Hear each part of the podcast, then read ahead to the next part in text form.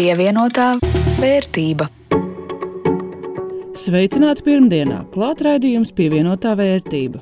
Ar to studijā Jānis Ramāns no Latvijas radio un Rudīts Pakauska no Latvijas televīzijas. Šodien par dropshippingu vai, kā to laikam dēvē latviski, tiešo piegādi un par kādu visai veiksmīgu Lietuvas uzņēmumu - Šauļu banku. Pievienotā vērtība. Ekonomikā aktuāls joprojām Covid-19 un inflācija, jeb omikrona straujā izplatība un dzīves dārdzība. Pārsteigumu gan šajās jomās nav.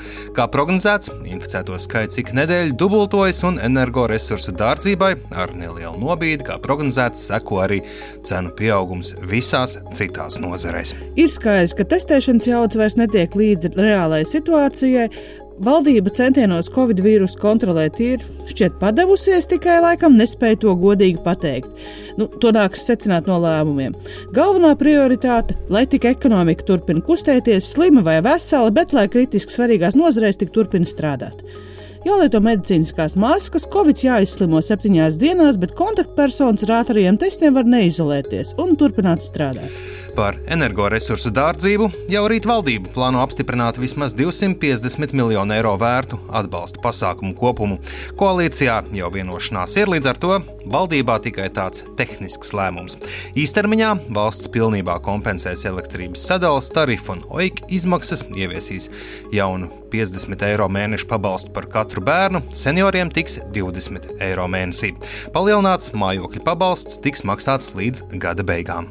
Ilgtermiņā tiks radīta atbalsta programma mājsaimniecībām pārējai no fosilā kurināmā apkurss, piemēram, dabasgāzes, uz ilgspējīgiem apkurss veidiem un mikroģenerācijas jaudām, piemēram, saules paneļiem, un mēnešu laikā vajadzētu būt vismaz aptuveni skaidram, kā atvieglos atļauju iegūšanu atjaunojamās enerģijas ražošanas būvēm un iekārtām. Visticamāk, daļai atbalsts tiešām palīdzēs, gan jau kādiem ies secen, bet par to pavisam noteikti nav priecīga fiskālās disciplīnas padome. Tā jaunākajā krīzes monitoringā Rīgā norāda, šogad valsts budžetā neparedzētiem gadījumiem iezīmētā nauda jau ir iztērēta, ir tikai janvārs. Līdz ar to jaunām atbalsta programmām būs jāpalielina budžeta deficīts. Un jo vairāk valsts naudu tērē, jo vairāk veicina cenu kāpumu. Nu, tā nozara, par kuru valdībai būtu īpaši jāpiedomā, ir būvniecība. Fiskālās disciplīnas padome iesaka apsvērt, vai vispār nav jāatceļ kādi lielie valsts pasūtījumi būvniekiem. Nu, it īpaši, ja plānotās iemaksas aug pārāk strauji un nozare karstā, ka vēl skatīties. Gribam un varētu būvēt nelielu atomelektrostaciju, Pulciņam pievienojusies arī Igaunija. Valdībā tiek apsvērts, vai būtu ekonomiski izdevīgi būvēt atomelektrostaciju Igaunijā un cik ilgu laiku tas aizņemtu. Runa ir par nelielas 300 MW jaudas atomreaktoru, kura ātrākais varētu pabeigt pēc kādiem gadiem astoņiem, un tas izmaksātu ap miljārdu eiro. Par mazu atomelektrostaciju runā arī Lietuvā, un arī pie mums vismaz Latvijas nākotnes vīzijā, ja ne vēl politiski augstākajos līmeņos.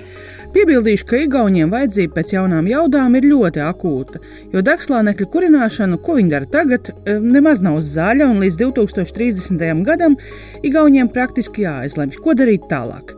Attīstīt enerģijas iegūšanu no dabas gāzes vai nu tad atomelektrostaciju. Šā brīža ģeopolitiskajā situācijā, zinot, ka gāze galvenokārt nāk no Krievijas, otrais variants sāk izskatīties drošāks. Pievienotā vērtība. Un šodien plašāk par dropshippingu, vai kā to dēvē Latviju mēlē šķiet tiešo piegādi. Pietiek pavisam īsts ieskatīšanās jaunajiem uzņēmējiem domātos padomos, jebkur internetā, lai agri vai vēlu tev sāktu piedāvāt pastāstīt visu par dropshippingu. Kas bieži vien tiek pasniegts kā viegli un viegls veids, kā ik viens var savu interneta biznesu uztaisīt un tad pelnīt lielo naudu. Nu, vispirms brīdinājums par veltes sirds ir tikai peļu slāzdā un peļņa bez riska, un darba ir tikai krāšņās reklāmās, nu ne reālajā dzīvē. Tas attiecas arī uz dropshippingu. Labi, otrkārt, kas ir īsti dropshippings? To pajautāju Elko grupai, vienā no lielākajiem Latvijas IT produktu vairumtirgotājiem, un kas tik tikko izziņojuši, ka arī viņi piedāvā dropshippinga pakalpojumus. Nu tad, kas tad ir dropshippings, stāsta Elko grupas tirzniecības direktors Oļegs Tarļeckis. Tas nozīmē, ka mēs preci no savas noliktavas piegādājam nevis partnerim, kas ir mazumtirgotājs, bet piegādājam patiesi no gala lietotājiem vai klienta klientam. Tad cilvēks, kas iegādājas preci internetu veikalā, viņš saņem preci nevis no uzņēmuma, kur viņš to iegādājās, bet pat aizno no tā saucamās noliktavas, jeb distribūtora, kas mēs esam šajā gadījumā. Nu, pircējiem jau lielā mērā ir viena alga, kas preci piegādā, kamēr piegāda notiek laikā un apjomā. Tomēr arī šeit Elko saskatījuši ieguvumus galvenokārt samazinās slodzi uz tā jau pārslogoto loģistikas ķēdi. Tas nozīmē, ka ieviešot B2C jeb dropshippingu, mēs padomājam par to, ka mēs izņemam ārā vienu posmu, ka mēs preci vedam nevis pie resellera, pie mazumtirgotāja un tālāk viņu pārpako un attiecīgi vēlreiz sūta klientam, bet mēs izdarām visu un aizsūtām preci pat aizno klientam. Tas nozīmē, ka prece netiks sūtīta divreiz, ar ko ir mazāka varbūtība preci pazaudēt vai arī sabojāt, kas arī bieži, diemžēl, gadās loģistikā. Otrs moments, kad tas process notiek ātrāk.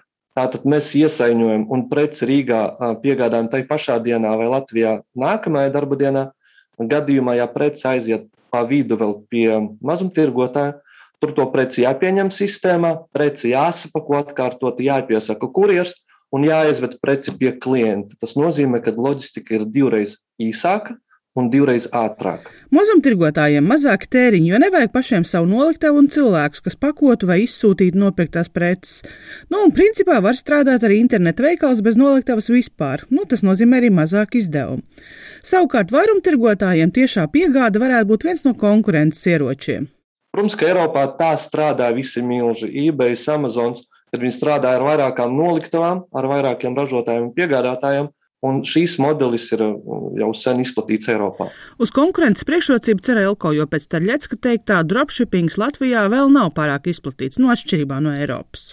Populārs vai nē, atbildot, saku, ka nē, bet tā ir nākotne. Un uh, Covid un uh, tieši visas karantīnas un visa situācija ar to, ka tirgus mainās, kad daudz pārdošanas aiziet uz e-komerci, uz internetu un brīžos, kad veikali, lielveikali ir cieti tad 100% pārdošanas notiek tikai caur internetu.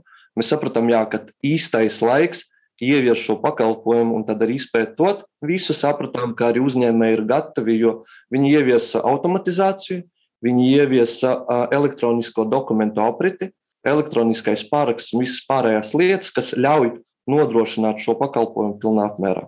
Interesi no mazumtirgotājiem esot daudz jau šo piegādes iespēju izmanto, bet nu, daudziem pagaidām vēl ir šķēršļi, un tie ir tie paši, kas iesācējiem biznesā. Jo dropshippingam vajag, lai sistēmas būtu sadarīgas, respektīvi, ja klients nopērk preci internetu veikalā, tad vairumtirgotājs viegli saprot, kur kas jāizsūta, spēj to izsūtīt, un arī internetu veikalā netiek pārdots preces, kas noliktavā nu nemaz nav pieejams. Un tad interneta veikalam bieži ir jāizvēlas ieguldīt sistēmas sadarbībā šobrīd nu, vai gaidīt, kad to varēs atļauties.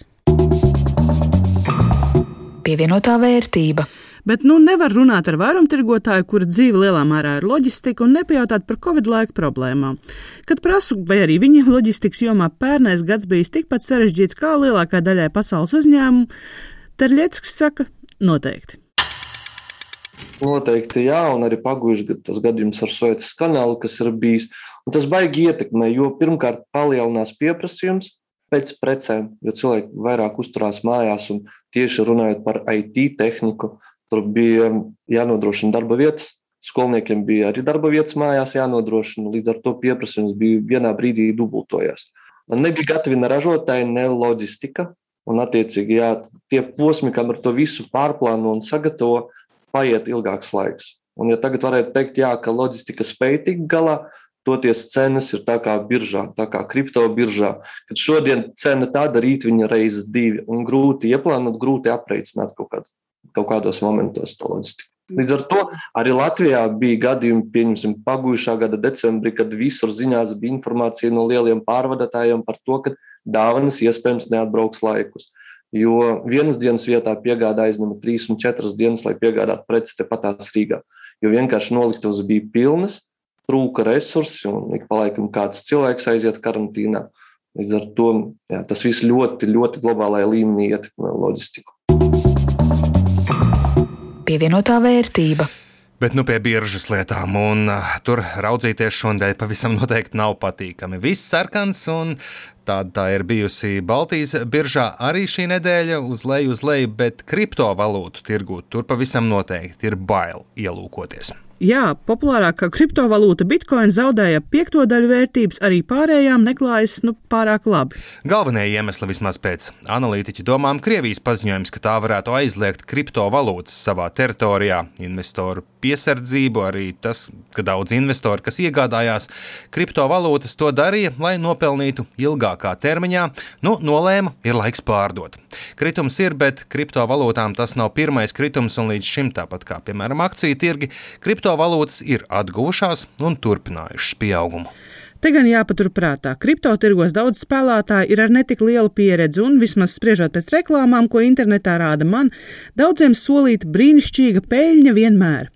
Cik stresa noturīgi un spējīgi sagaidīt tirgus atgūšanos un nepiefiksēt zaudējumus šie investori ir, jā, nu redzēsim. Arī Baltijas biržā, kā jau minēju, aizītā nedēļa zaudējumi zīmē Tallinas biržā virs 5% kritums, Viļņas biržā mīnus 3,3%, bet Rīgā salīdzinoši visstabilākā situācija - mīnus 1,34%. Kritums arī nedēļas tirgotākajām akcijām. Enefit Green tirgota visvairāk - 8% cenu kritums, Šauļu bankai otrā vieta - 4,21% mīnusā, Ignitis grupe trešajā vietā un 5% vērtības kritums to akcijām. Un arī manam portfelim salīdzinot ar pērno nedēļu kritums - vērtībai vesels 16 eiro nost. Bet, nu, pārāk satraukusies nesmu, visu iztirgot netaisos un mierīgi sēdēšu un gaidīšu labākus laikus. Jā, kā tev? Es arī sēžu mierīgi, pagaidām vēroju, kā viss paliek mazāks. Aizdītajā nedēļā atņēmusi man apmēram 30 eiro no maniem 510, kas saskana ar negatīvajām tendencēm kopumā bet nu par vienu no uzņēmumiem, kura akcijas bieži vien ir Baltijas tirgotāko akciju topa galvgalī, pirms 30 gadiem dibināto Šauļu banku, lielāko Latvijas kapitāla banku, par to plašāk kolēģi Linds Zalāni, un pirms tam maza piebilde. Šīs bankas akcijas ir arī manā portfelī. Šauļu bankas akcijas biržā tiek tirgotas kopš 1994. gada, un 2006. gada beigās bankas akcijas tiek kotētas Nasdaq Viļņus galvenajā sarakstā. Kopumā banku sektors nu, faktiski pilda ekonomikas asinsvādu, kas saka, funkciju pārnestu nozīmi. Un neviens notikums, kas ir saistīts ar biznesu, ar ekonomiskām aktivitātēm, nu, nevar notikt šobrīd mūsdienās bez bankas pakalpojumiem. Ieguldījuma eksperts Invilu pensiju fondu valdes priekšādātājs Andrēs Martīnos uzsver, ka šis aspekts nodrošina to, ka banku bizness ir pieprasīts un tam vienmēr ir vieta mūsu dzīvē un ekonomikā. Bet skaidrs, ka konkurence ir nu, liela.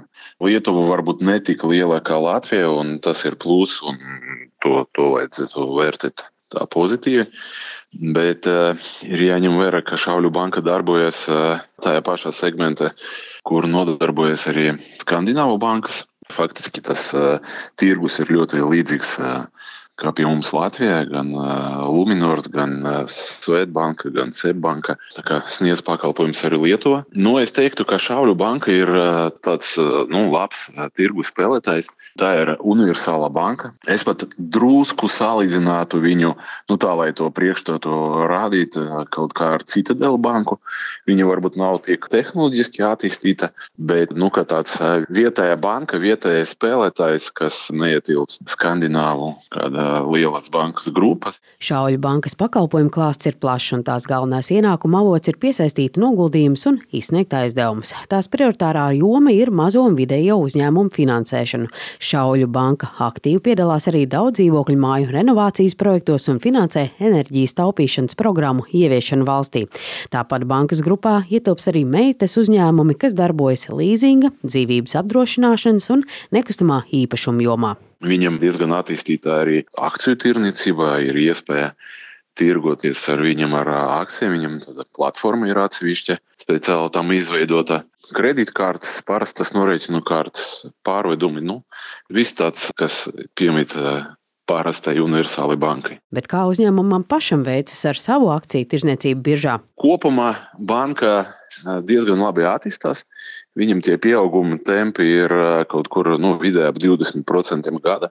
Bet tā pašā laikā Ja mēs skatāmies uz akciju cenu, viņa aug, bet nu, mērenāk nekā, ja mēs salīdzinām ar Rīgauņu bankam. Eksperts pauž, ka tam iemesls varētu būt tas, ka Lietuvas un Baltijas investori kopumā nav tik aktīvi tieši Lietuvas tirgū, līdz ar to naudas plūsma ir mazāka. No otras puses, jāņem vērā tos fakts, ka šobrīd un kādu laiku jau viens salīdzinoši liels ieguldījumu fonds, kurš samazina savu darbību, viņi samazina arī savu pozīciju Šauļu banka, un tāpēc nu, tirgu ir tāds diezgan liels pārdevējs, kurš, protams, nes cenu uz leju, bet arī savā ziņā neļauj tai cenai attīstīties tik strauji, kā tas bija Igaunijā bet kopumā banku sektoru Andrēs Martīnovs vērtē kā perspektīvu nozari, kurā ieguldīt. Bet jāņem vērā, ka banku sektora izaugsme iet roku rokā ar ekonomikas attīstību.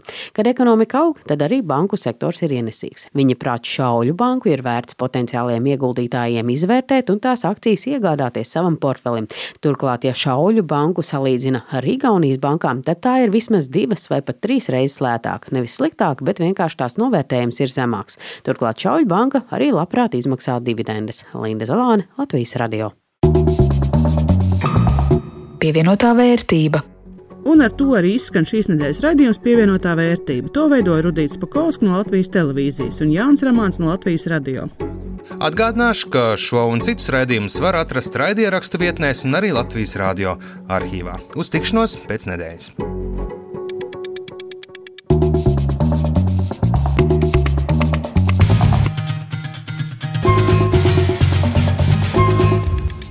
Pievienotā vērtība.